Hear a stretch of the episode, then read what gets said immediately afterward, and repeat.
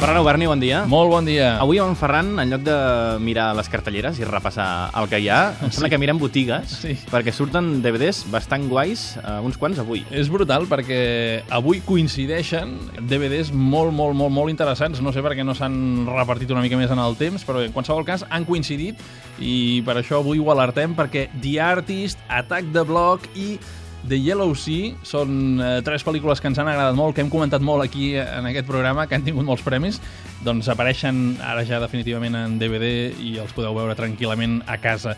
I a tot això, jo avui us porto un altre DVD, perquè com que anem d'aquest format, doncs eh, he rebuscat a la videoteca, en un que va sortir, en aquest cas és un DVD que va sortir fa ja unes setmanes, però, si us plau, no deixeu que se us escapi, Que és una pel·lícula que no havíem comentat aquí, però que sí que val molt que la va, pena. Sí, de fet, és la nova pel·lícula de Yoji Yamada, aquest eh, director japonès eh, hereu del cinema d'Akira Kurosawa, un dels grans mestres de la cinematografia japonesa.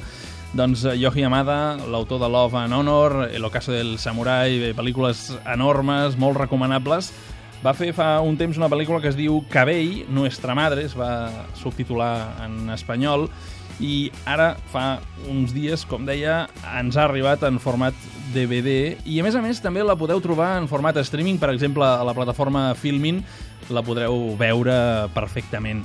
Una pel·lícula d'aquells que us agrada sobretot plorar al cinema, eh? És un melodrama d'aquells, dels meus, que dic jo. A més a més, ja ho sabeu que sóc un enamorat de la cultura japonesa i a través d'aquesta pel·lícula també podreu reviure tota aquesta sensibilitat mm, d'aquesta gent. És una pel·lícula sobre el valor de la família en els moments difícils, sobre el sacrifici, sobre els ideals, eh, com mantenir-los, aquests ideals, també, això és molt important en aquesta pel·lícula. Una pel·lícula sobre l'esperança, sobre l'herència, la maternitat, la paternitat. Bé, són grans temes, com podeu comprovar, que estan explicats amb una enorme sensibilitat, uns actors en estat de gràcia i una posada en escena realment perfecta, molt, molt, molt elegant, no?